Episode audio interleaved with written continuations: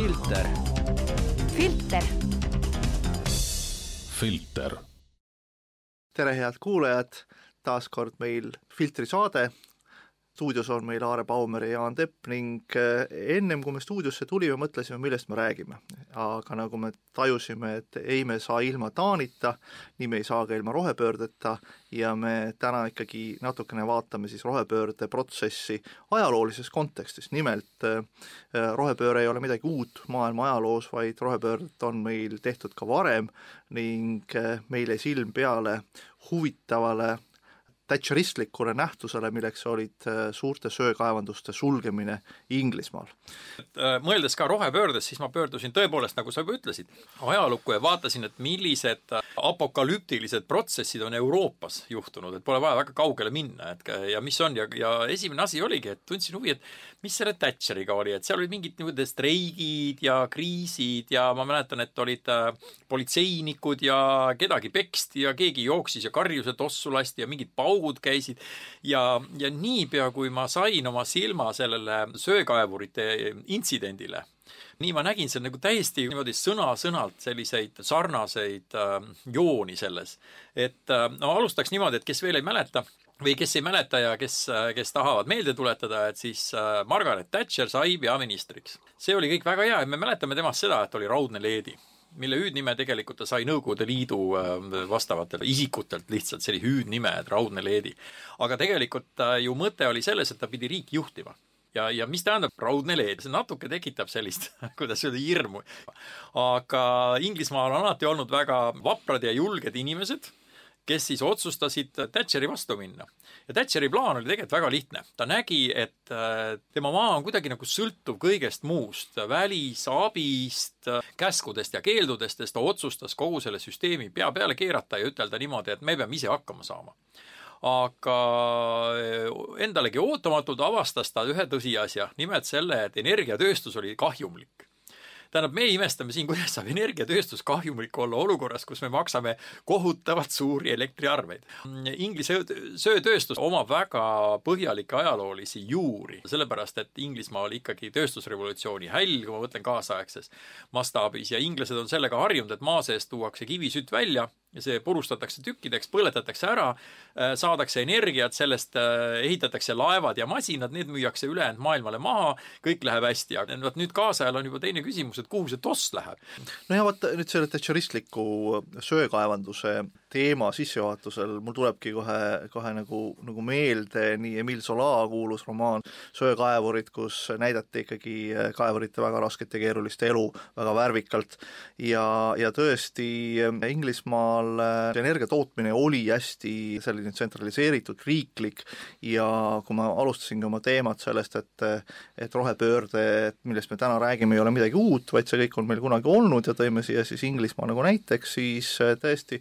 raudne leedi ühel hetkel sai aru, et, et ei ole võimalik ähm, jätkata energia tootmist ebaefektiivselt. Ja raudseks leediks ei saanud ta küll mitte ainult sellepärast, et ta otsustas kõik äh, soekaevandused kinni panna, vaid eelkõige, ta hakkas väga äh, aktiivselt tegelema privatiseerimisega ehk erastamisega, erastades siis äh, energia tootmise, ta sai aru, et, et ikkagi kui sa oled äh, nii-öelda nagu tavainimesena riikliku nisa küljes, et sa saad oma raha ja sissetuleku riigilt ja sa väga palju ei pea tähelepanu pöörama efektiivsusele, kuna energia tootmine oli väga selline nagu strateegiline tegevusvaldkond, siis äh, nagu meiegi teame vanasõna, et, et äh, riigiköis las lohiseb.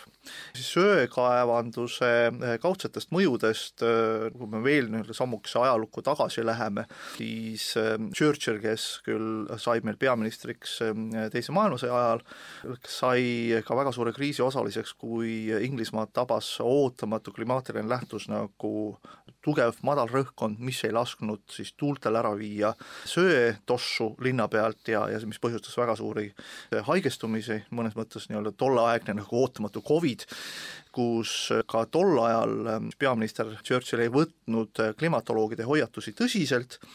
vaid äh, pidades seda anomaaliaks, aga tulemused olid äh, inimeste tervisele väga traagilised. ja see oleks praktiliselt ka Churchilli võimu nagu lõpetanud. ehk kaudselt ikkagi selle kivisöe põletamisest tulenevat äh, tervisekahjust tervikuna kogu nagu ühiskonnale olid niivõrd suured, pluss me lisame siia juurde siis ka sellise ebaefektiivsuse, kui tegemist on noh, strateegilise eh, majandusharuga nagu energia tootmine, et riik ütles, et, et, et meie seda oma käest ära ei anna, aga nagu öeldakse, et, et riigi köislas lohiseb ja see efektiivsus ikka käis väga kiiresti alla ning Thatcher otsustas ühel hetkel, et paneb kõik need siis söekaevandused kinni ja mis siis juhtus? Vot selles oligi asi, et, et kui sa oled riigijuht ja näed, et äh, sul on äh, nii, nagu äh, väidab üks artikkel, kolmsada nelikümmend miljonit dollarit iga-aastast kahjumit, et sul on nagu põhimõtteliselt, kui sa, sa kujutad endale ette, et sa oled riigijuht, ma näiteks mõtlen kuulajale, oled riigijuht ja avastad, et sul on nagu energia tootmine on kahjumlik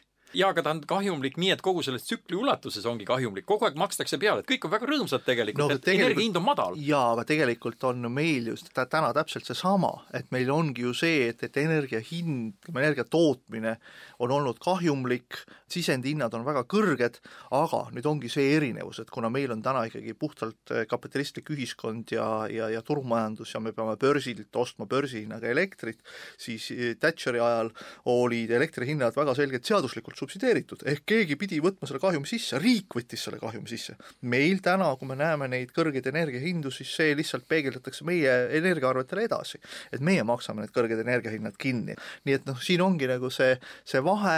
no, kõik me... ei ole sarnane, ma ütleks, kõik et... ei ole, aga olukord, kui sa mõtled, eks. ja, ja et siin me nagu näemegi, et, et, et, et kas riik, ehk mida me tahame siin nüüd mainida, ongi see, et kui suur peab olema riigi puhver, et ta suudaks vastu pidada kõikvõimalikud erinevad ootamatused, noh näiteks nagu me räägime, et Thatcheri puhul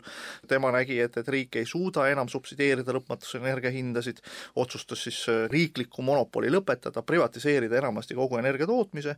ja tulemuseks olidki seesama kivisöekaevurite streigid, lausa nagu ma ütlesin, et lahingud, lahingud, lahingud igal pool erinevates suurlinnades kui äh, kuulaja nüüd küsib, et, et mis selle, kui pika aja jooksul see siis toimus või et kas see siis käis inimestele kuidagi nagu närvid olid siis demonstratsioonid, no olid, aga, aga pöörame tähelepanu ühele lihtsale asjale. tuhat üheksasada kaheksakümmend neli märts siis riiklik äh, kivisöe nõukogu ehk siis riigi tasandil, Inglise tasandil otsustab, et seda hakatakse vähendama. Neid kaevandusi, töötavaid kaevandusi oli sada seitsekümmend. ja kahe tuhande kolmeteistkümnendal aastal oli kaevandusi järgi kolm nii et saja seitsmekümnest jäi kolm järgi. no sellel ongi nagu selles suhtes kaks põhjust, ühelt poolt äh, tõesti maa sees äh, kivi välja kaevamine ja selle ahjus põletamine äh, ei ole majanduslikult kasu, kasumlik tegevus, et kogu ikkagi rohepöörde põhirõhk liigub ju sinna, et me rohkem kasutame muid alternatiivseid energiaallikaid, äh, päike, tuul, hüdro ja mis on ka nüüd huvitav, ähm, Euroopa Komisjon viis sisse väikese muudatuse erinevate energialiikide indekseerimise süsteemi, millega ka tuumaenergia on saanud tegelikult siis äh, roheenergia tiitli. Ja see põhjustab väga palju selles suhtes poleemikat, sest et teatavasti noh, Saksamaa, kui me nüüd hüppame Inglismaa äh, juurest näiteks korraks Saksamaa juurde, siis äh, pärast Fukushima suurt tuumakatastroofi otsustas ju Saksa Bundestag panna kinni praktiliselt kõik oma tuumajaamad, eks ole, ja täna on mõnes mõttes, vaatame oma elektriarvet ja üritame aru saada, et, et kustkohast ikkagi reaalselt see hinnahüpe siis tuleb, siis siin ongi mitu komponenti, mitu globaalset komponenti koos. ühelt poolt on meil siis see nii-öelda nagu rohepööre, aga kui me nii-öelda nagu süüdistame ainult rohepööret, siis see on natukene selline Huckleberry Finnilik lugu, et, et kus lihatünn sai oma osa, et, et see on see, kus Huckleberry Finni isa alati, kui tuli koju, siis pani esimese nagu toanurgas olevale lihatünnile jalaga, kirus natukene maailma ja siis tõmbas oma noisu täis, et, et kui me ütleme, et, et meie elektrihindade tõus tõusus on süüdi ainult planeeritav rohepööre, siis see on nagu lihtsustatud äh, lähenemine, et, et siin globaalsel äh, pildil on neid mõjureid rohkemaid, ühelt poolt meil on selline Ukraina ja Venemaa vaheline probleem, siis meil on vastuolu Euroopa ja, ja, ja Venemaa vahel ning ühtlasi ka siis noh, ütleme, see on niisugune mõjusfääride teema, kus, kus Saksamaa ja Venemaa on omavahel teinud bilateraalse kokkuleppe, e-, et Saksamaa ostab otse Venemaa käest gaasi läbi Nord Stream kahe siis sellega tegelikult asetatakse Euroopa suurimaid tööstuslikke gigante kaudselt äh, Venemaa mõjusfääri, et me ikkagi räägime mõjusfääridest ja Ameerika, kes äh, on väga selgelt äh, tõmmanud siis mõnes mõttes sellise nagu, nagu joone, et kus on siis nii-öelda nagu Euroopa piir, mis jookseb mööda Narva jõge, ja kui me räägime, et meil on täna Tapal sees äh, NATO sõdurid ja ka Ameerika ja, ja Suurbritannia sõdurid, siis, siis see on mõnes mõttes nii-öelda nagu NATO ja USA hegemoonia äh, nagu piir, et need on meid, see on see mõjusfäär. ja nüüd, kuna meie oleme mõnes mõttes siin nagu piiri peal, siis tulles tagasi Nord Stream kahe juurde, siis Ameerika on väga selgelt öelnud, et nemad ei ole üleüldse Nord Stream kahest huvitatud, nad, see ei lähe kokku nende nii-öelda siis julgeolekupoliitikaga ja, ja praktiliselt Ameerika on hakanud mis trahvima ja panema sanktsioonide alla neid ettevõtteid, kes siis Nord Stream kahega ka koos koostööd teevad. ja nüüd on venelane olnud selles suhtes natukene nagu pahane, ütleb, et okei okay,, et, et kui teie nii-öelda keelate meil siis Nord Streami Nord Streami vastuvõtmist, et tegelikult see on nagu, mõjutatakse täna ühte äh, Saksa riigiasutust, kelleks on siis Tehnilise Järelevalve Amet, kes peaks andma siis Nord Streamile kasutusloa, ta seda ei anna. ja seal on nüüd erinevaid poliitilisi nagu mõjureid. ja siis äh, venelane ütleb, et nagu hüva, et noh, siis ma teile ei, ei müü elektrit ja vaadatakse, otsitakse nagu selles suhtes nagu lepingutes tagamise võimalusi. nüüd, nüüd see on, see on üks komponent, et nii-öelda see Vene, Vene äh, komponent, milles äh, ollakse nagu solvunud, et, et sakslased ei võta vastu vastu äh, Nord Streami, anna sellele kasutusluba, aga seal taga nähakse siis nagu ameeriklaste väga karvast kätt, kes ütlevadki, et nende mõjusfääri piir jookseb mööda Narva jõge, aga siin on veel üks teine probleem, et unustatakse ära, et, et mis Vene suur energiaettevõte Gazprom sõlmib reeglina tarnelepingud ette pooleks aastaks, aastaks, isegi mitmeks aastaks, ei ole päris nii, et, et et nüüd ütleb siis üks, üks lepingupartner, kelleks siis on siis Gazprom, et tead, ma sulle kas ei tarni või ma tarnin seda siis kolmekordselt kallima hinnaga ehk tegelikult on probleem tunduvalt keerukam. nii nagu tulles tagasi Thatcheri juurde, et, et ka see, et, et meil söekaevurid ühel hetkel blokeerisid äh, Londonis tänavaid, selle põhjused olid tunduvalt kaugemad, mitte ainult selles, et äh, riigiköislas lohiseb ja, ja Thatcher otsustas äh, kinni panna siis ebaefektiivse energiatootmise majandusharu. majandusharu, jah, vaid tulles börsimudeli juurde, nagu me ütlesime, et, et kui Thatcheri ajal oli meil väga selgelt riiklik, riik võttis sisse kõik subsiidiumid, Brexit äh, ja, ja sisult maksis peale selleks, et, et elekter oleks ähm, brittidel kodus olemas nüüd, kus me oleme börsiolukorras, tegelikult toimub ka väga suur börsimanipulatsioon Euroopa enda energiatootjate poolt, kes alati nagu, nagu väikesed härjapõlvlased hüppavad ühelt jala pealt teise peale, näitavad näpuga Venemaa poole, ütlevad Venemaa on süüdi. Venemaa on süüdi, tema ei müü meile gaasi. tegelikult see ei ole päris nagu nii, see ei ole nii lihtne, sellepärast nagu ma ütlesin, Gazpromi lepingud sõlmitakse ette mitmeks aastaks see ei ole nii lihtne, et sa ilma, ilma nende trahvideta lihtsalt ütled, et ma nüüd tõstan hinda või, või ma annan sulle gaasi. vaid, vaid kasutades ära seda Vene tonti, need meie oma Euroopa energiatootjad kes siis peaksid, kui räägime börsist, see börs tähendab seda, et sul on, kujutage ette, et sul on börs, sul on ees äh, kalender, iga kalendripäev jaguneb sul kahekümne neljaks tunniks ja siis keegi, kes ütleb, et mina olen energiatootja, mina nüüd näed, võtan siit sellest kalendrist selle tunni, kuni tõmbab triibu alla, kuni siis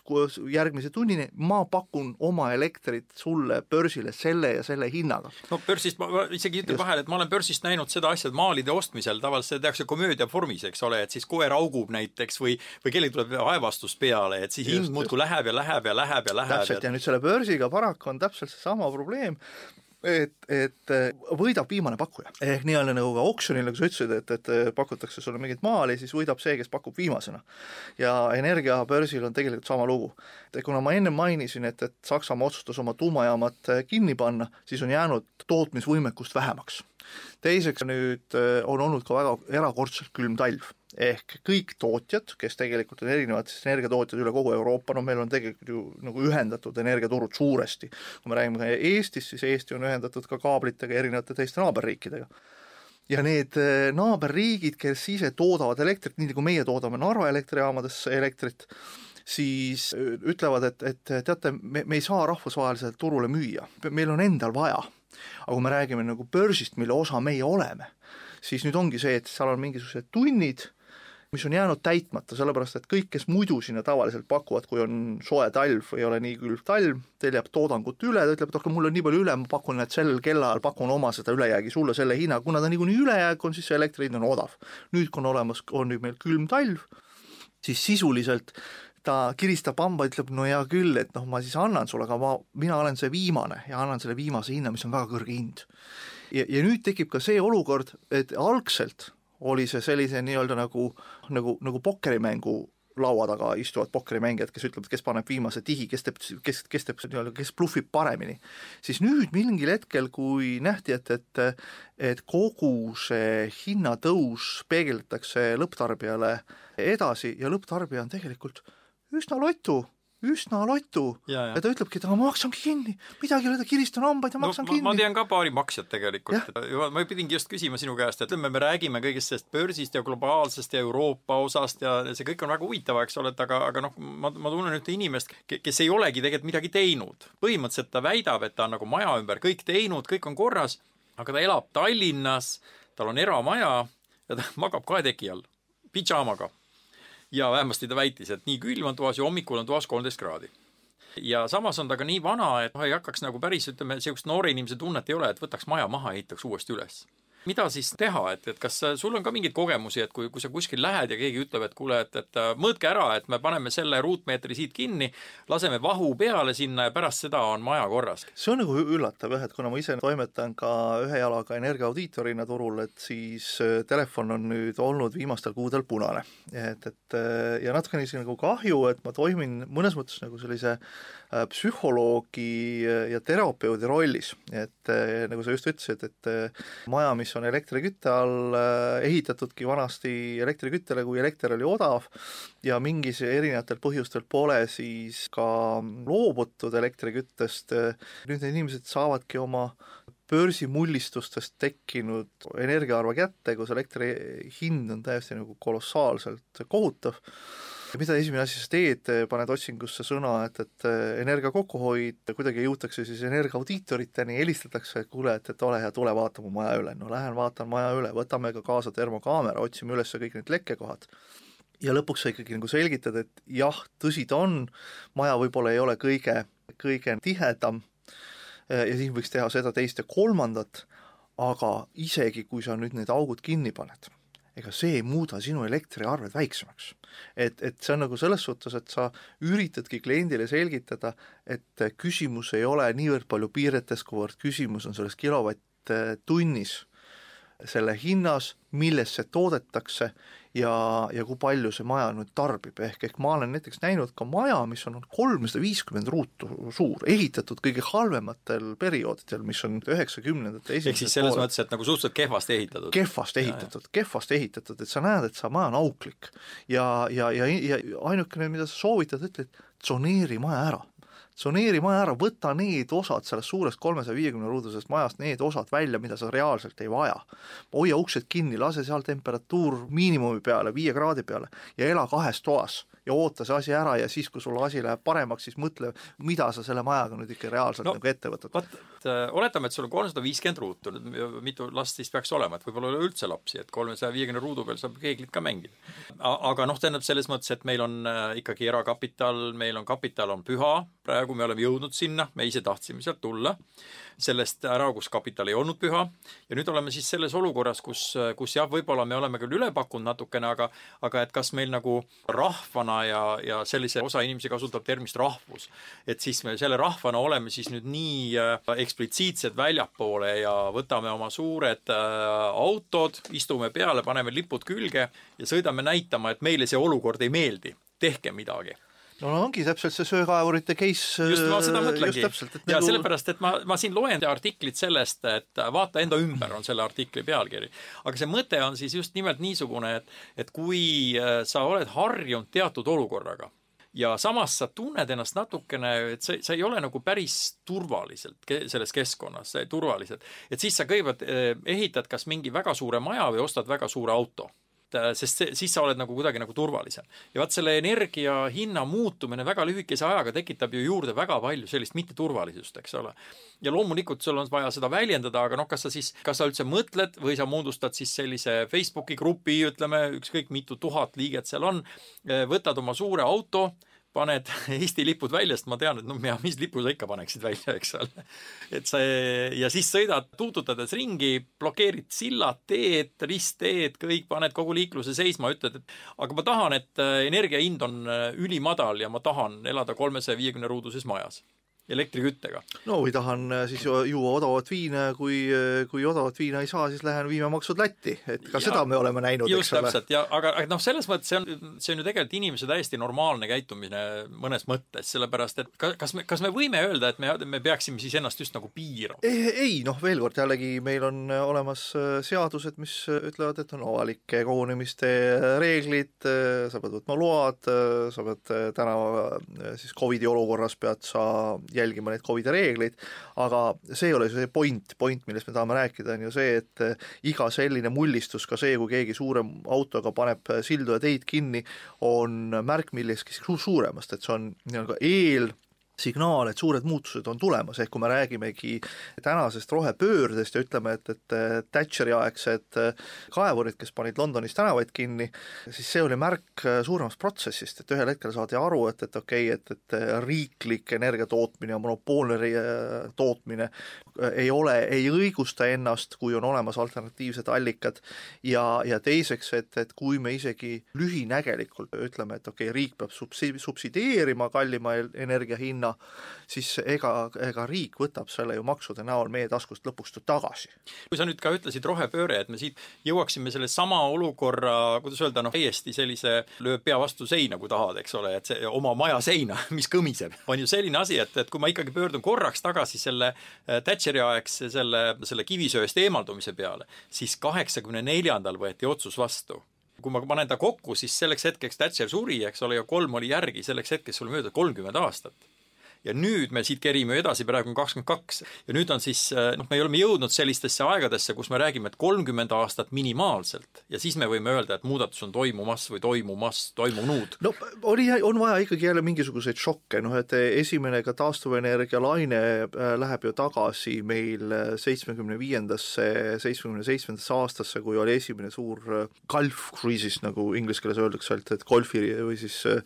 Pärsia lahe riikide tülid, sõjad ja selle sellest põhjustatud segadus, segadus, segadus jah, ja sellest põhjustatud siis äh, kütuste vähenenud äh, kättesaadavus. ja, ja sellest ajast ju pärinevadki esimesed nii-öelda katsed äh, kasutada siis tuuleenergiat kommertstasandil, eks ole, kui hakati siis Taanis esimesena tuulikuid ju tegema siis võttis väga palju nagu aega, kuni noh, esimesed tuulikud olid niisugused pisikesed kolmekilovatised, viiekilovatised igamehe tuulikud, igamehe tuulikuid ja lõpuks saadi aru, et noh, see nagu asja ei päästa, et, et sa pead skaleerima seda tehnoloogiat üles, siis toimus niisugune kümmekond aastat ja natuke rohkem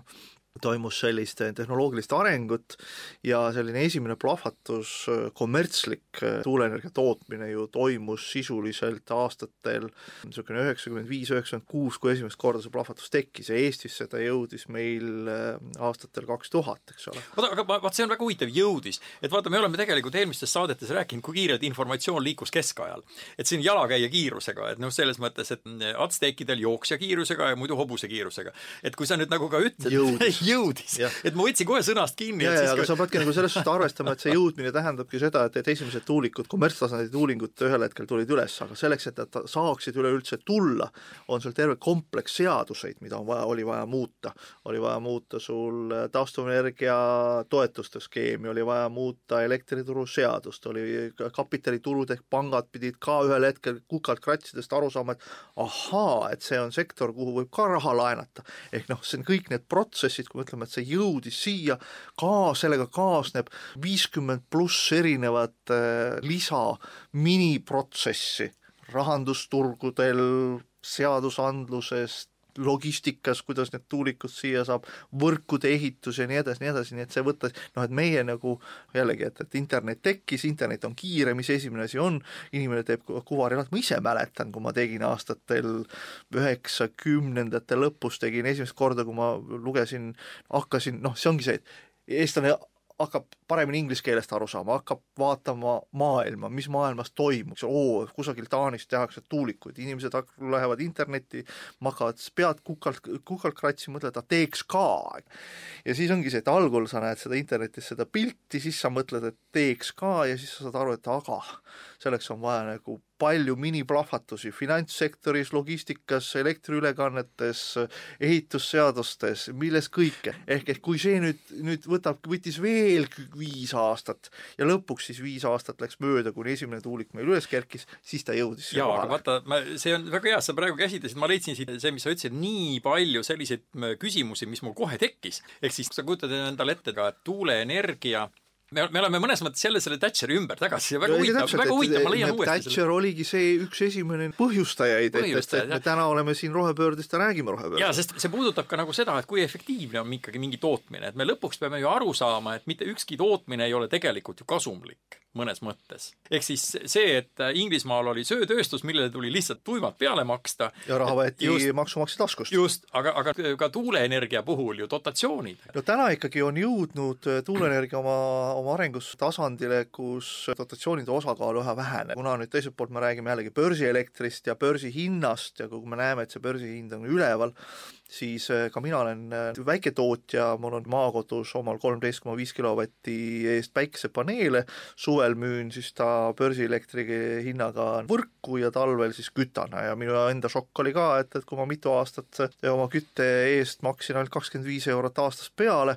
siis nüüd börsihinna luksatuse peale, ohoo, ka mulle kukkusid need saja viiekümne ja kahesaja eurosed arved. Ühel hetkel postkasti, siis ma saan aru, et ja et, et äh, me peame veel midagi muutma, ka selles suhtes ega see taastuvenergia hind äh, börsihinnaga võrreldes noh, ka nii-öelda nagu adapteerub või, või, või muutub selles suhtes kasumlikuks, jällegi äh, kasumlikuks mis mõttes? täna, kui me räägime sellistest suurtest infrastruktuuriprojektidest, siis kasumlikkus ei tähe see, et, et nii kui keegi paneb tuuliku üles, nii ta kohe järgmisena ostab omale Lamborghini ja suure jahi kuhugi Vahemerele. Ferrari ka ja Ferrari ka, mitu Ferrarit veel sinna garaaži. vaid, vaid see tähendab see, et, et, et see projekt suudab ära teenindada laenu. täna räägitakse kasumlikust mis mõttes, et Exceli tabeli mõttes, et sa teed Exceli tabeli, teed äriplaani, ütled, et see, et, et kui ma selle laenu nüüd kätte saan, selleks, et seda laenu saada, see on juba pikk tee.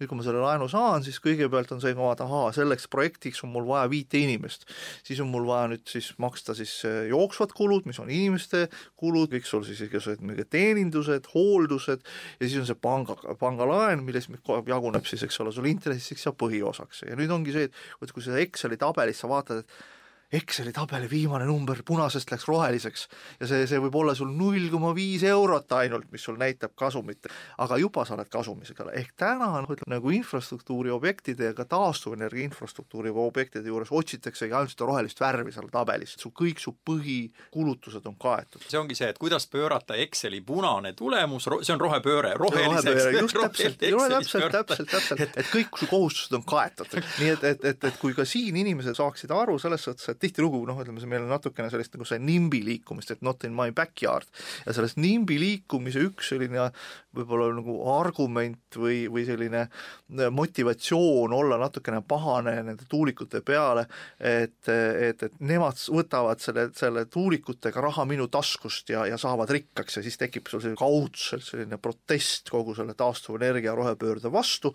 e, eriti veel nüüd, kui meil elektrihinnad on kõrged ja siis me veel näeme sama oma kogu aeg oma elektriarveid ja seal on veel eraldi, on taastuvenergia tasu, siis, siis, siis see kerib üles, aga ikkagi ma veel kord ütlen, et, et, et see on, see on lihtsustatud lähenemine, veel kord täna räägime, rohepööre tähendabki see, et sa saad Exceli tabelis oma selle punase tulemi lõpuks ka null koma viie euroga nagu roheliseks, et see on juba hästi. no ja vot selle rohepöördega nüüd ju ongi, et, et kui ma vaatan, et kes sellele vastu on, siis vastu on kõik need, kes elavad tegelikult niimoodi, et ühiskond ju maksab neile peale isegi kui nad saavad pahaseks selle jutu peale. Kui sa elad maal, siis on öeldud, siis inimene ise ju arvab, et maal elamine on tegelikult see loodusele vähem reostav, aga tegelikult ta tahab saada asfaltteed tahab, et teed on lumest maha lük-, lükatud, lumi on ära lükatud ja selle kõige eest tuleb maksta. loomulikult ei meeldi meile see jutt, ta lihtsalt ei meeldi ja öeldakse, ah ära räägi seda või ah, see on paha. see on emotsionaalne lähenemine. see on emotsionaalne ja, ja siin on üks, üks, üks tegur, mis tegelikult äh, paneks meid niipidi võib-olla mõtlema või millest, millest mina olen väga lihtsalt aru saanud, on see, et esiteks mitte ühtegi asja, mitte, mitte mingilgi moel Exceli tabel ei muutu roheliseks ennem umbes kümmet-viiteist aastat ta lihtsalt ei saagi tehniliselt muutuda. ja täpselt nii ongi, et kui meil, nagu ma ütlesin, et, et taastuvenergia jõudis aastatel kahe tuhande, kahe tuhandetel Eestisse, siis oli vaja subsiidiumit, et ta ei saanudki, see Exceli tabel ilma riikliku subsiidiumita ei saanudki roheliseks minna. ehk meie nagu selles suhtes mõistes, et me ei taha Emile Zola aegsete söekaevurite kehva elu, me ei taha sudust Londonit, me tahame hingata puhast õhku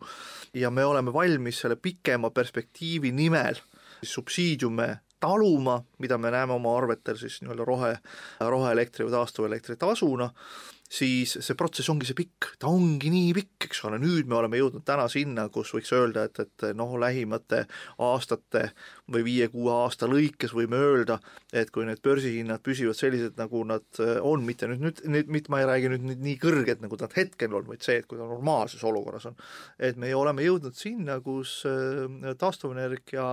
tehnoloogia investeeringud tasuvad ennast ise ära tänu elektri hinnale. Ja, ja, ja veel kord, ma veel kord ütlen, madalad elektrihinnad on anomaalia. Me, me, me, me millegipärast ikkagi tavainimestena arvame, et me peame kõike saama tasuta et täpselt nii, nagu need söekaevurid ühelt poolt, no nemad küll kaotasid oma sissetuleku, eks ole, kuna otsustati, Thatcher otsustas hakata ühel hetkel kaevanduse kinni panema. ja nad siis ka-, kaotasid oma tahmase näo. tahmase näo, just, aga, aga, aga, aga tava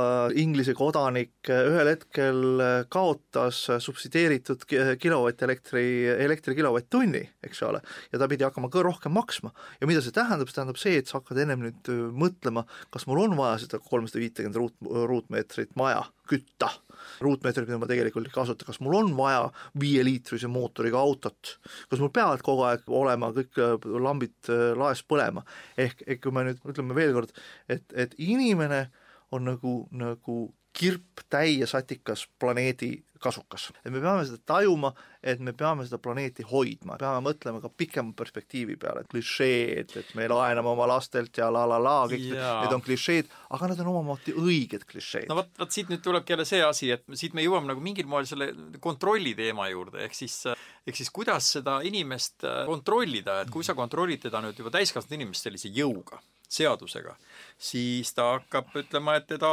teda ahistatakse ma, ma olen Ameerika teadus, amatöörteaduse organisatsioonis kirjas seal Facebookis ja siis on päris naljakaid aeg-ajalt pistavad inimesed üles selliseid igasuguseid naljakaid plakateid. ja üks selline teadushuumori plakat oli see, et äh, põhimõtteliselt tegemist oli siis maasika Facebooki, Facebooki grupiga, maasikaga. aga ukse taga olid siis ka kõik teised, ühesõnaga, mille peale siis otsustati, et ei,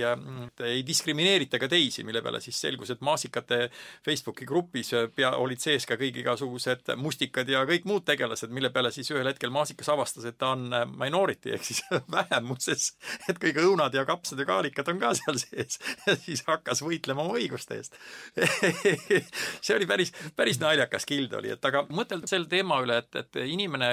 kuida-, kuidas ta nagu käitub, kui ta tunneb ennast ohustatuna, ega tegelikult see on paneb väga... Eesti lipu auto külge, suure džiibi külge suure ja külge, suure just. auto külge ja tuleb äh, risteele jääb risteele seisma. jah, täpselt, et ja, Toom, Toompead blokeerima, just täpselt, aga et noh, mida siis, mida siis tegelikult pakkuda neile? vot see on päris tõsine küsimus, sest järgmine aasta hakkab sama asi otsast peale jälle tegelikult. see on jällegi see motivatsiooni küsimus, et mida mõtleb see inimene, kes paneb selle lipu oma džiibi külge ja läheb Toompealt blokeerima, et, et mis on see motivatsioon, esimene on see, et ta tajub, et ta ei saa enam viieliitrise autoga sõita, ta ei jaksa maksta kolmesaja viiekümne ruuduse maja elektrihindu ja nüüd on ta tige selle peale, sellepärast et ennem oli ta harjunud, et raha jäi üle ja jaksin, jaksasin seda elustiili harrastada. nüüd ta ühel hetkel saab aru, et ma enam ei jaksa, mul ei ole raha, nii et me jookseme kokku ikkagi sinna majandusküsimuste juurde. Ja esimene lihtsustatud äh, reaktsioon on see, et, et äh, keegi peab ju vastutama selle eest, et mul enam ei ole nagu, keegi peab vastutama. see, need, need, need Lasta, valitud, valitud poliitikud seal üleval toota, eks ole, noh et ja nagu kui ta veel, ja täpselt, ja kui ta veel satub olema sellises Facebooki grupis, mida võib-olla trollid natukene manipuleerivad, ma olen enam kui kindel, et enamuste nendes sellistes gruppides äh, trollid manipuleerivad ja see on hoopis eraldi teema, millest me võime lõpmatuse Aga... rääkida internetitrollidest ja internetitrollide poolt manipuleeritud gruppidest Facebookis no,, mis, mis mõjutavad meelsust, see on väga põnev teema. on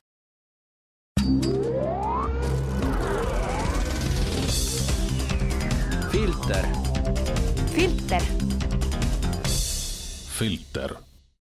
stuudios on meil Aare Baumer ja Jaan Tepp aga, aga see, et kui ma mõtlen nüüd jälle edasi sellesama selle kontrolli üle, siis üks asi, millega me siin tasapisi harjume juba, ja mis võib tekitada, vähemasti algul tekitas ju olulist segadust, isegi minul autos on tead näite kaamera ja see vaatab kogu aeg ettepoole ühe korra, seda ei ole tõesti rohkem olnud, aga ühe korra oli, oli niimoodi, et üks inimene, ma seisin ja üks inimene vaatas, vaatas mind, vaatas kaamerasse, sai pahaseks ja ütles läbi, noh suvel, eks ole, ja ütles läbi, et mida ma siin nagu filmin, tähendab. ta selle omaette olemise kadu, et, et noh, see on selles mõttes, vaata Eestis on ta jälle niimoodi, et meil on siin üks, üks suur linn ja suur osa elanikkonda elab siin juba. et elatakse ka mujal ja igal pool on kaamerad ja aga miks nad tegelikult on, need kaamerad, kas kaamera nagu lisab turvalisust, kas see ai, kes kuskilt vaatab meid, kas ta tegelikult lisab turvalist tunnet? See on, see on huvitav teema, mida sa praegu avasid, et eh, kaamerate puhul, olles ka ise selline natukene mootorrattafänn eh, ja ka ise tihtilugu käies sõitmas, eh, ma ikkagi panen kaamera käima, see on eelkõige turvalisuse eesmärgil, et kui midagi peaks juhtuma kui tekivad mingisugused vaidlused, et mul on materjal olemas. see, see pärineb küll rohkem isegi Vene turult, seal on need vaidlused on eriti emotsionaalsed, emotsionaalsed. Ja seal on praktiliselt igal autojuhil on, on kaamera, noh, pardakaamera, et ta filmib, kui midagi juhtub, et et siis oleks nagu tõendusmaterjal. näiteks äh, Ameerika Ühendriikides ei ole pardakaamerat lubatud, et seal on see turvaline privaatsuse küsimus on oluline ja ma olen näinud ka väga palju YouTube'i selliseid videoid, kus äh, maanteepatrull ikkagi tuleb mootorratturi juurde, ütleb, et noh, kaamera palun lülitage välja, see ei ole lubatud. ma ei tea, kas see on nagu osariigiti, see ei pruugi võib-olla olla nagu kõikides osariikides Ameerikas, aga paljudes osariikides näiteks ei ole nagu kaamera, noh, kiivrikaamerad nagu lubatud. aga jah, et tulles nagu siit siis äh, selle ai juurde, noh jällegi, eks ole, ai ehk siis äh, tehisintellekt, artificial intelligence, on, on mõnes mõttes äh, selliste algoritmide kogum, mis oskavad talle antud informatsiooni töödelda ja sellest informatsioonist välja siis noppida need järeldused, mis selle tehisintellekti loojatel on peas olnud, näiteks et äh, mina olen ise insenerina äh, natukene nagu siin lootnud ja unistanud, et ma saaksin oma hinnapakkumiste tegemise hõlpsamaks, et ühe hinnapakkumise tegemine ehitussektoris sektoris on väga pikaajaline ja väga raske töö, et sa pead võtma ette maja projekti, lugema kokku seal kõik need materjalid, tellised, aknad, klaasid, metallid, katusekivid ja see on, võtab sul mitu päeva selleks, et see hinnapakkumine kokku saada, et, et ma mõtlesin, et küll oleks hea, kui mul oleks mingisugune selline hea algoritm, mis on aastate jooksul korjanud kokku üle Eesti kõik siis seni tehtud hinnapakkumised ja, ja praktiliselt ma ainult söödan kunstlikult, nagu kujuta ette, nagu printerisse söödaks lehe sisse ja teiselt poolt tuleb siis mul hinnapakkumine välja, ehk, ehk ma ei pea käsitsi kokku lugema kõiki neid tsemendikotte, mis mul seal vaja on, vaid arvuti teeb selle minu jaoks nagu ära, ka kasutades selleks siis ajaloolist informatsiooni kogust, et noh, see on siis väga lihtsalt kokkuvõttes, et mis see, see artificial intelligence või siis see tehisintellekt peaks tegema, aga nüüd ongi see probleem, et et müra selles andmestikus on, on, on alati väga palju, eksitavaid tulemid on väga kerged tulema ja, ja furoori selle tehisintellekti ümber on tunduvalt rohkem, kui, kui ta täna tegelikult väärt on, ehk tegelikult mida ma tahan öelda, mina oma hinnapakkumisi siiamaani teha ei saa, ma olen küll otsinud, et kas selline robot on olemas, ma annan oma projekti ühelt poolt sisse, teiselt poolt tuleb mul hind välja, no ei ole, no ei ole. no jah, me oleme siin harjunud juba, et Google tõlgib kõik ümber ja ma olen väga palju nalja selle, sellega pidanud läbi elama, rääkimata sellest, et aastaid tagasi ma ostsin ostsin ühe DVD-plaadi, kus mis kirjeldas siis merepõhja põhjas olevaid neid kaane või noh, selles mõttes neid kuumaveeallikaid ja muidugi seal need laused olid nii imelikud, et ma lõpuks ütlesin, ma pidin ära keerama, kinni panema, sest noh, need lihtsalt olid liiga naljakad. Nad ei kõlanud eesti keeles enam üldse. aga ma ikkagi tahtsin seda küsida, et äh, mida sina arvad, näiteks kui kuskil on kaamerad üleval, kuhu nad tegelikult lähevad, kas keegi vaatab ja kohe meelega suurendab, teeb suumi ja... no vot, see on jällegi see küsimus, mida tihtilugu inimesed kardavad, vaid see, et, et kas minu privaatsus äh, on häiritud või mitte ja sülearvutite, kaamerate, katikute müüjad on teinud äh, väga head tulemit tänu sellele, et, et nad on saanud innustust sellisest äh, paranoiast, et, et, et äh, mind pidevalt suur vend jälgib kõike, mida ma teen ja, ja siis keegi omaette siis veel, veel, veel vaatab, et, et, et kas mul on ikkagi rähm silmanurgast ära pühitud või ei ole, eks ole, noh tegelikult see nii ei ole, selleks ei jätku lihtsalt inimesi, et, et kui sa kujutad ette, et ühe inimese tegevuse analüüsiks on vaja teist inimest ja, ja ja, ja lisaks, et kui meie tavategevused on niivõrd kiired ja, ja, ja ebaratsionaalsed ja nüüd seal teiselt poolt kaamerat olev keegi peab siis veel tunduvalt rohkem töötunde panustama selleks, et minu ebaratsionaalsest tegevusest tuletada mingi ratsionaalne järeldus, et kas ma olen siis nagu mingisugune kurjategija ja rahavahetaja ja või, või võltsrahatrükkija või mitte, siis see nüüd mõnes mõttes jah, antakse küll siis tehisintellektile üle, aga tehisintellekt noh, selles suhtes, et küll antakse talle mingisugused parameetrid, et noh, näiteks, et jälgitakse siis internetiliiklust, see on siis nii-öelda nagu internet traffic, jälgitakse internetiliiklust ja seal paned ikkagi kolm korda, no kolm korda võib-olla mitte, aga kui sa paned juba seal kolmkümmend kolm korda järjest otsingusse tuumakütus või, või siis paned ammooniumnitraat. ja või täpselt, täpselt, paned midagi sellist otsingusse, et siis kusagil võib olla sinu IP aadress nihkub kuhugi mingisugusesse teise arvutisse, mille taga siis võib-olla veel on omakorda mingisugune robot, kes nüüd jälgib, et kas see oli nii-öelda teo te,, te, te, tehtav teadustöö raames, näiteks sa oled teadlane, sa näiteks oled teadlane, sa peadki ammooniumnitraadiga tööd tegema, tuues välja võimalikud parimad, odavamad energiameetodid, kuidas seda väetist teha. ja, ja ühel hetkel see, see ei ole päris nii, et sa oled Stanfordi ülikooli teadlane, uurid, kuidas teha efektiivsemalt väetist ja ühel hetkel on FBI sul ukse taga, ütleb, et kuule, sa oled pommitegija, vääname sind põrandale maha, eks ole. tegelikult, tegelikult juhtuski nii, et mitmed head aastad tagasi potsatas ka minu postkasti üks teade sellest, et Ameerika Ühendriikides siis üks amatöörteadlane oli tellinud selliseid äh, segusid, mille kohta saabus talle kohe teade, et palun ilmuge siis ülekuulamisele, sellepärast et need on tunnistatud kõik. Need oli tavaline laboriaparatuur ainult ühe vahega, nimelt need kõik oli biohazard, ehk siis selles mõttes nad olid mõeldud nagu selliseks äh, katseteks, muide ta teeb nüüd Facebookis edukalt, et nüüd on see punkt läbitud ühesõnaga, et aga nendel oli see, ta oli täiesti endast väljas, sellepärast et ta ütles, et kuule, et ma tahan siin lihtsalt geenmuteeritud, või see oli salat õigemini, seesama salat, mida me nüüd vertikaalfarmides üle maailma katsetame, ja siis ta viis sinna sisse erinevaid geene, aga noh, see tunnistati sellel hetkel, kui see oli mingid aastad seitse-kaheksa tagasi, tunnistati riigile ohtlikuks? ma, ma toon uue näite, kuna ma siin ka osaliselt siin, nagu enne mainisin, et energiaaudiitorina olen siin tegutsenud ja meie vist ostsime Eestisse esimese termokaamera ja aasta oli siis kaks tuhat üks või kaks tuhat kaks, kaks tuhat kaks vist jah. ja just oli olnud siis kaksiktornide lugu ja meie siis hakkasime oma konsultatsiooniettevõtet arendama ja leidsimegi, et, et okei okay,, et termokaameratega saab tõesti väga hästi leida üles hoonetest energialekked soojalekked ja tellisimegi siis Flirri tehas, täna me teame, et meil on Lasnamäel on olemas oma Flirri tehas, me just imestamegi, et võib-olla see, et Flirri tehas, ta küll ei ole siis sõjalise eesmärgiga, vaid ta ongi tsiviilkaamerate tehas Lasnamäel, et võib-olla see tehas ongi täna Eestis sellepärast, et meie olime ühed esimesed, kes Flirilt kaamera ostsid, aga see oli, ma veel kord ütlen, et see aasta võis olla ka siis kaks tuhat kaks või mingi umbes see kant, ja me tellisime siis üle interneti selle kaamera ja mis, mis oli tulemus, tulemus oli see, et meil oli kolme päeva pärast Frankfurdi Ameerika saatkonnast julgeolekunõunik ukse taga. andis oma visiitkaardi, mis oli kuldsete tähtedega, et ma olen siis Ameerika saatkonna julgeolekunõunik, tuli vaatama, kes need poisid on, kes aastal kaks tuhat kaks, siis kui oli just kaksiktornidel olnud, ostavad termokaamerat vend oli muidugi niisugune lõbus ja, ja me selgitasime ära, kes me oleme, näitasime ette, mis me teeme ja siis ta nagu oli niisugune lõbus äh, onu ja ütles, et, et noh, me võime küll sulle aeg-ajalt helistada ja küsida, et kuule, et, et kas seal nüüd ikka on kaamera ja kas ta on ikka seal seifis, et me pidime seifi ostma kusjuures. Ja, ja ütles, et, et kui me helistame ja küsime, et kas kaamera on ikka olemas, siis ära meile seda nalja tee, et ma laenasin selle Ibrahimile, me ei pruugi sellest naljast aru saada. No jaa, need on sõnad, vaata sellel ajal, kui sa rääkisid, ma kuulasin sind tähelepanelikult ühe kõrvaga, teise osa ajust ma lasin jooksma selle mõttega, et meil on igast uusasumid. Ja nendes uusasumites mina tegelikult ei ole ju väga palju käinud, mis tekivad ümber Tallinna. kas sina tead, kas seal on igal pool kaamerad? kui palju seal on duubeldamist, et autokaamerad, võib-olla on tänaval kaamerad, võib-olla ma täiesti eksin seal Rae vallas ju hakatakse äh, ega, ega minulgi maakodul on kaamera, kuna mul on seal ikkagi päiksepaneelid püsti ja ikkagi tahaks teada küll, kes mul seal päiksepaneelide vahel käib peale rebase. no rebane käib? no rebane ikka käib jah, siis, siis oligi see, et algselt ma tõmbasin sinna need sellised jooned, et kui keegi sellest joonest üle käib, et siis ma sain kohe SMS-i ja lõpuks ma nagu, kui ma olin juba kakskümmend viis korda ühte sama rebast näinud SMS-i pealt, siis ma loovutasin, ütlesin, et aitab küll aitab küll.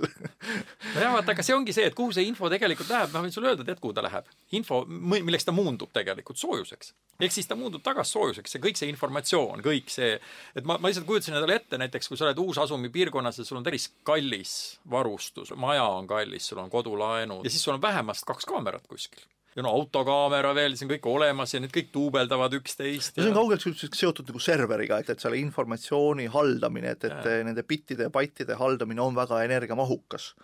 ehk eh, mida me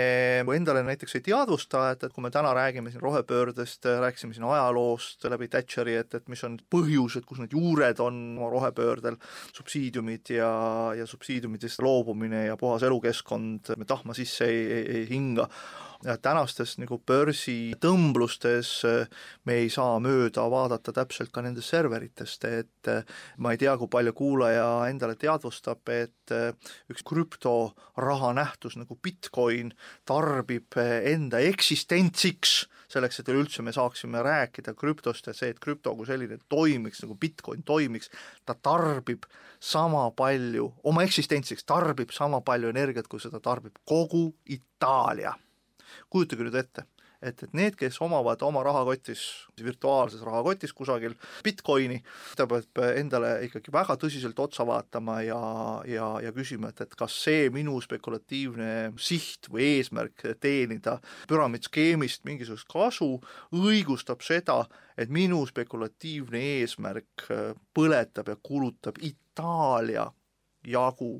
elektrienergiat. ehk, ehk, ehk nagu vot see serverite ja selle nagu tulles siia kaamerate juurde tagasi, et need suured serverijaamad, mis on erinevates kohtades, no põhjustavad ikka väga palju äh, mullistusi, olgu selleks ka nüüd see börsimullistus mõnes, mõnes mõttes. me, me jõudsime selleni energiani tagasi jälle, et kõik, kogu meie jutt tiirleb kogu energia ümber ja, ja on üks huvitav asi, mis ma sinu käest küsin, sest ma arvan, et sa seda vist ei tea, aga see mõte on siis selles, et äh, koos selle nafta puurimisega me saime, et eelmisel sajandil sajandi lõpus ja selle algul teada ühe väga huvitava asja, millest mina ei teadnud midagi näiteks üleüldse kuni ei, üleeilse päevani. ja siis sa, sa ju tead, et Põhjameres äh, pumbatakse naftat välja. no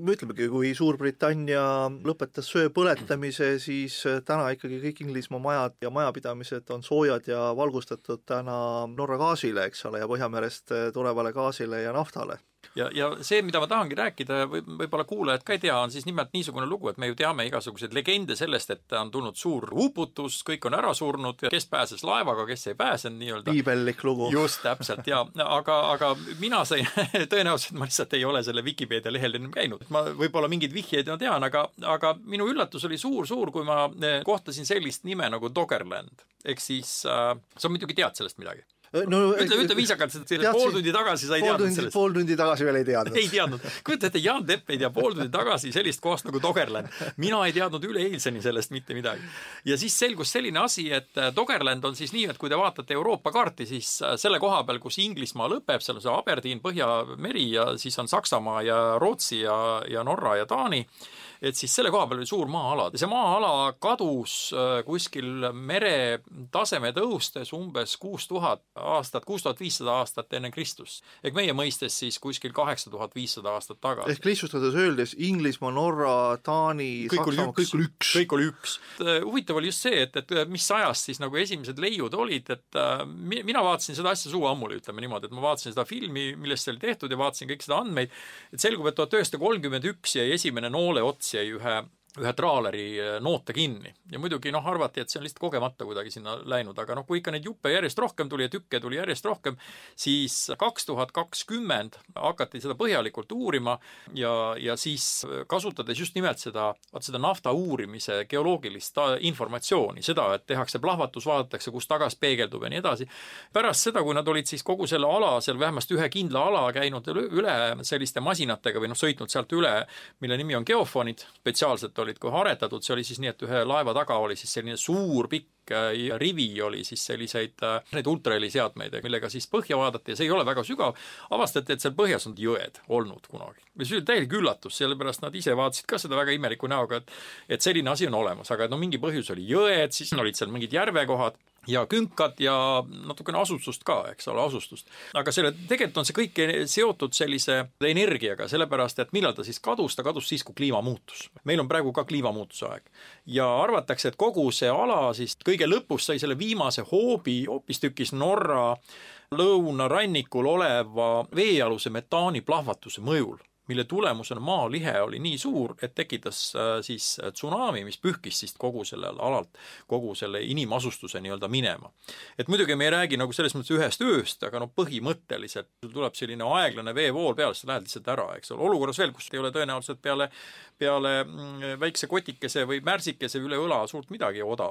aga, aga noh, selles mõttes oli täiesti huvitav, et mis sa, mis sa nagu arvad, et kuidas see, kuidas see info nagu sobituks, veel kord piibelliku, piibelliku noala, noala loo juurde. eks ole, et aga Doggerland ja see on siis seotud sellega, et taanlased nimetavad selle üks Dogeri alaks, et, et see on selline koht, kus on siis kala rohkem, eks. mina saan teada, et mismoodi see informatsioon võiks edasi nagu mõjutada, saad teada, töötled natukene läbi, vaatad hm,, väga huvitav, kehitad õlgu ja lähed jälle edasi. no viskan oma märsi üle õla ja, ja, ja, ja kui tuleb suur tsunami, et, et mis siis teha, ütlen hm, selle, selle vastu ma ei saa. tsunami võib esile kutsuda, mis see on metaan, mis on seal meres suure surve all. kui mina esimest korda nägin neid metaanist rääkivaid, selle surve all olevat metaanist rääkivaid filme, siis, siis kohe avastasin, et vau, vot see on alles müstiline kogemus, selles mõttes, et seal äh, öeldaksegi ju niimoodi, et Norra mere põhjas on äh, metaani rohkem energiaks, kui siiamaani on kogu maakeralt välja pumbatud naftat ekvivalendis. ehk siis kütuseid meil on ju väga-väga palju. ega, ega tõsi ta on, et me küll teame, mis on meil äh, maa peal, äh, me isegi teame rohkem, äh, mis meil on kosmoses kilometraažina mõeldes, aga me teame tunduvalt vähem, kui me võtame sama ekvivalendi kilometraaži mõttes, mis meil on maa all me küll oleme teinud läbi, läbi erinevate puurimiste, oleme saanud mingisuguste magmakihtide kohta informatsiooni, aga see on selline, selline üksik, nagu, nagu üksiku lokaalne üksik lokaalne informatsioon, mida me oleme siis teaduslikult nagu üldistades laiendanud, ütleme, et, et kogu maailma koor äh, on selline, koore all olev, olevad kihid on, on, on sellised, aga kuidas need erinevad hüdrokarbonaatide kogunemised ja kuidas nad seal liiguvad, et ega me seda ikka väga täpselt ei tea, et et nagu mõnes mõttes me elame kogu aeg nagu aatompomme otsas. see vaevalt, et ta nüüd väga palju inimestele juurde andis positiivsust, et loodame siis väga, et see vesi meil väga kõrgele ei tõuse, küll aga oli üks huvitav asi, mõned aastad tagasi lugesin siin artiklit sellest neandertaallaste kadumise kohta ja siis äh, viimased äh, kohad, kus neid teatakse, on Gibraltari koopad. ja see, mille ma kõrva taha panin kogu sellest neandertaallaste värgist, oli see, et tuhande aasta piires merevesi oli tõusnud kuus kuni kümme korda. tähendab, mitte korda, vabandust, kuus kuni kümme meetrit nii et tuhande aasta perioodis kümme meetrit ülespoole, et siin me nagu räägime natukene sellest, et, et kas tuleb mingi uputus või mitte, tuleb ta nüüd homme või ülehomme ja tegelikult ju akadeemikud ütlevad väga selgelt, et no. et kui, kui ka mingi asi tuleb, siis lihtsalt neid äh, nii-öelda uputusi selle tormiga, sobivate tuultega, eks ole. et ma saan aru sinu äh, sissejuhatust seda, et tuleb teha eraldi internetigrupp ja siis tuleb äh, kindlasti tekitada piisavalt paanikat, et kohe nüüd see metaanipomm plahvatab ja me peame oma suurte viieliitriste autode külge panema sinimustvalged lipukesed ja minema tooma Toompead blokeerima. ehk toon paralleeli, toon paralleeli väga heale filmile, mis hetkel äh, on Netflixist kättesaadav, see on siis Don't look up ehk Ära vaata ülesse. see on äh, mõnes mõttes sellises natukene farsilikus äh, vormis tehtud film, kuidas teadlased, täpselt üks väike grupp teadlasi avastavad, et suur tapjakomeet on kihutamas maa suunas ja praktiliselt siis oli siin mingi, mingi loetud kuud, mille jooksul siis elu elu lakkab planeedil Maa eksisteerimast ja siis need teadlased lähevad eh, siis sellest, kõigepealt informeerivad oma ülemusi, lähevad informeerivad siis Valget Maja, ja loomulikult siis ehm, presidendi proua, kes eh, selles filmis on välja toodud, on tehtud väga markantseks, noh, niisugune natukene naiselik eh, Donald Trump, natukene niisugune populist ja, ja ütleb, et, et kõik on jama, sellist asja pole olemas, et me põhiliselt peame jälgima, millised on meie reitingud, et populaarsuse reiting. Ja, ja, ja kuidas toimub väga lühikese aja jooksul ühiskonna polariseerumine, et, et ühelt poolt on siis need, kes ütlevad, et kohe tuleb meid ka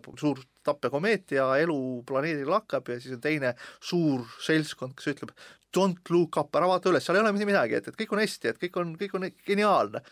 nii et, et, et selles suhtes selline polariseerumine meie ühiskonnas on paraku suhteliselt tavaline, kes tunnebki, et, et teda nagu selline tsunami kusagilt imeb seal internetikeskkonnas kuhugi endasse, siis ikka kriitilist meelt ja, ja, ja vaadata, et, et kas, kas tegemist on sellise poliitiliselt manipuleeritud või trollide poolt manipuleeritud grupi mõtlemisega no, või mitte. ma selles mõttes jälle lõpetaks sellise näitega ma sinult ootaks muidugi päris lõpetust, aga, aga ma ennem seda toon ühe lihtsa näite, et vaata, kui me siin räägime rohepööre, siis noh, tähendab eesti keeles, eks ole, kui me hakkame mõtlema, mis see pööramine on, no pööramine on see, et võetakse õlgadest kinni või lapsele, eks ole, või peast ja keeratakse kuskile, siis hakkad minema teise kohta, et aga kui minult küsiti, kelleks ma tahan saada aga see oli juba siis, kui ma olin nii-öelda juba töökohal, jah, ja mul olid selginenud juba see minu asukoht ühiskonnas ja mentaalselt ma olin aru saanud, kes ma olen ja siis ma ütlesin, et ma tahan olla, ma olin, see üllataval kombel see jõudis minuni, tähendab see arusaam sellest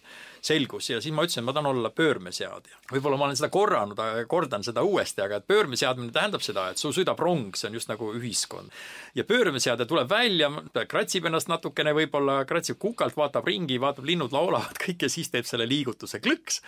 ja rong hakkab minema, tähendab, ta teeb pöörde muide, aga rong läheb siis väga lihtsalt, eks ole, kiirus on tal, ütleme, Elroni rong, seal on neid hästi pikk muidugi, sada, sada kümme tunnis ja, ja keerab ühe kraadi minutis ja kui ta nüüd keerab, siis ta tegelikult ju no, keerab kuskile või pöörab, vot eks ole, et eesti keele värk. ja kui ta nüüd äh, keerab ja pöörab seal niimoodi, siis noh, üheksakümne minutiga, pane tähele, üheksakümmend minutit, poolteist tundi on ta üheksakümmend kraadi keeranud. aga nüüd minu küsimus ongi see, et kui me oleme nüüd need pöörmesajadid ja millisesse internetigruppi me kuulume, et kuhu me siis, kuhu poole me ta keerame, et keerame ta paremale või vasakule et...? jaa, vot see on huvitav küsimus, seda ma ei oodanud sinult, et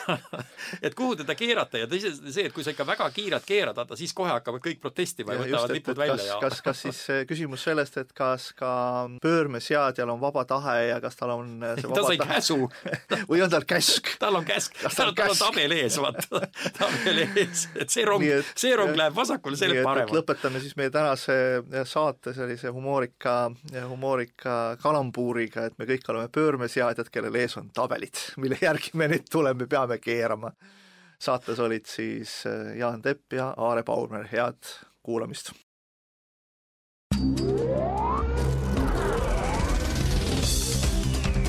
Filter. filter. filter